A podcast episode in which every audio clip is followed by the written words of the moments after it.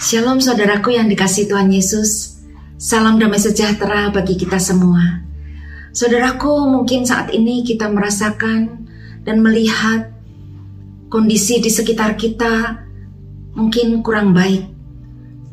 Pandemi masih berlangsung sampai saat ini. Ditambah lagi dengan berita-berita tentang peperangan yang terjadi. Ekonomi juga yang masih kita perjuangkan.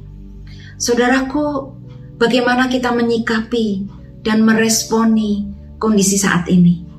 Mari kita belajar dari firman Tuhan yang diambil dari Matius pasal yang ke-14 ayat 25 sampai 31. Kira-kira jam 3 malam, datanglah Yesus kepada mereka berjalan di atas air. Ketika murid-muridnya melihat dia berjalan di atas air, mereka terkejut dan berseru, "Itu hantu!" Lalu berteriak-teriak karena takut. Tetapi segera Yesus berkata kepada mereka, "Tenanglah, ini aku, jangan takut." Lalu Petrus berseru dan menjawab dia, "Tuhan, apabila Engkau itu, suruhlah aku datang kepadamu berjalan di atas air." Kata Yesus, "Datanglah." Maka Petrus turun dari perahu dan berjalan di atas air mendapatkan Yesus. Tetapi ketika dirasakan tiupan angin, takutlah ia dan mulai tenggelam. Lalu berteriak, "Tuhan, tolong aku!" Segera Yesus mengulurkan tangannya, memegang dia dan berkata, "Hai orang yang kurang percaya, mengapakah engkau bimbang?" Saudaraku, ada pesan penting yang disampaikan Tuhan Yesus kepada murid-muridnya ketika mereka sedang takut, yaitu: "Tenanglah, ini Aku, jangan takut." Saudaraku, Yesus mengingatkan kepada kita semua bahwa selama Yesus ada di dalam kehidupan kita, Dia pegang kendali atas hidup kita. Amin saudaraku. Bahkan kalau Tuhan izinkan itu terjadi, kita bisa mengalami mujizat-mujizat Tuhan. Ya, tapi kuncinya adalah tetap tenang dan percaya kepada Dia. Amin, saudaraku. Mengapa Petrus bisa berjalan di atas air? Dan itu berarti bahwa dia melewati hukum alam. Seharusnya dia tenggelam, tetapi dia punya pengalaman yang luar biasa bersama dengan Yesus. Dia ber, bisa berjalan di atas air. Nah, bagaimana juga bisakah kita berjalan di atas permasalahan hidup kita? Kuncinya adalah tetap tenang. Tenanglah, jangan takut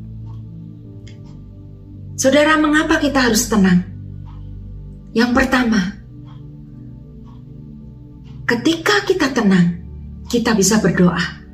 Ketika kita tenang, kita bisa datang kepada Yesus, dan kita bisa memiliki kekuatan untuk kita berjalan, melangkah, menghadapi setiap masalah dan persoalan hidup kita. Petrus, ketika dia melihat Yesus, ya dan mendengar perintah Tuhan Yesus, datanglah. Maka dia dengan tenang melangkah keluar dari perahu dan dia berjalan di atas air.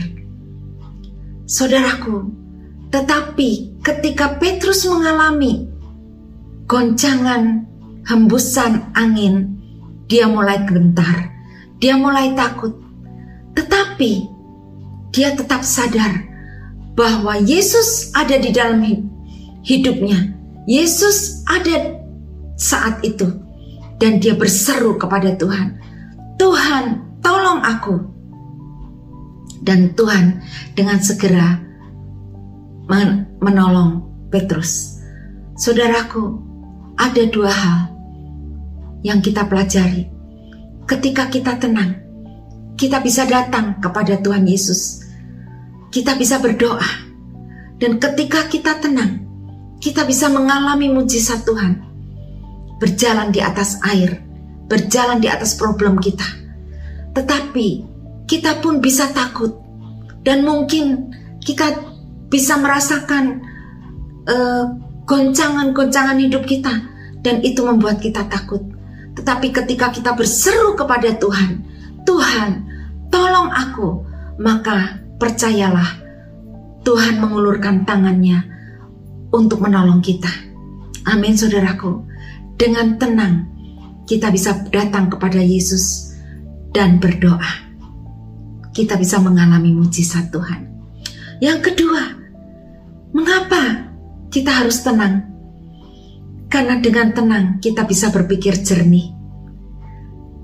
Murid-murid Yesus ketika dia ketakutan, dia melihat Yesus berjalan di atas air. Karena takut, mereka beranggapan, mereka mengira bahwa Yesus itu adalah hantu. Tetapi saudaraku, ketika kita tenang, ya, kita bisa melihat kita bisa melihat tuntunan Tuhan. Kita bisa melihat uh, jalan keluar yang Tuhan sediakan bagi kita. Kalau kita pikiran jernih, maka kita bisa tetap percaya akan firman Tuhan. Kita bisa fokus kepada firman Tuhan, fokus kepada apa yang Tuhan katakan. Petrus ber, bisa berjalan di atas air karena Tuhan yang mengizinkan, karena Tuhan yang berkata, "Datanglah." Dan Petrus melangkah. Dengan tetap tenang, kita bisa melihat tuntunan Tuhan. Kita bisa ingat firman Tuhan dan kita bisa imani firman Tuhan itu.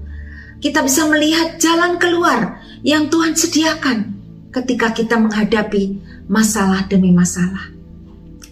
Yang ketiga, saudaraku, ketika kita tenang, kita bisa tetap bisa menjadi terang kita bisa menjadi saksi Kristus. Mengapa? Karena mujizat bisa terjadi. Ketika kita tenang, kita tetap bisa menjadi terang di dalam hidup kita. Ada Yesus di dalam hidup kita. Kita tenang dan kita bisa mengalami mujizat Tuhan. Saudaraku, Petrus adalah murid Yesus yang tercatat pernah mengalami mujizat Tuhan berjalan di atas air. Meskipun dia mengalami juga hampir tenggelam, tetapi Tuhan Yesus menolong Petrus. Mujizat terjadi dan Petrus berjalan di atas air. Dia bisa melampaui hukum alam. Itu adalah mujizat. Dan nama Tuhan dipermuliakan. Ketika kita tenang, kita akan tetap menjadi terang. Kita akan tetap menjadi saksi Kristus. Karena mujizat bisa terjadi di dalam hidup kita. Tuhan yang menolong setiap masalah hidup kita. Dan di dalam nama Tuhan Yesus, Tuhan Yesus dipermuliakan. Saudaraku, ketika kita tenang, kita dapat berdoa dan datang kepada Tuhan Yesus. Dia yang memberikan kekuatan untuk kita bangkit menghadapi setiap masalah hidup kita. Ketika kita tenang, kita dapat berpikir jernih, kita dapat melihat tuntunan Tuhan, dan kita bisa berjalan di dalam kehendaknya. Ketika kita tenang, kita bisa tetap menjadi terang, kita tetap bisa menjadi saksi Kristus, dan nama Tuhan dipermuliakan karena kita bisa mengalami mujizat-mujizat di dalam hidup kita. Mujizat yang melampaui segala akal, yang melampaui segala hukum alam, sehingga nama Tuhan dipermuliakan di dalam hidup kita. Amin, saudaraku. Tuhan Yesus memberkati.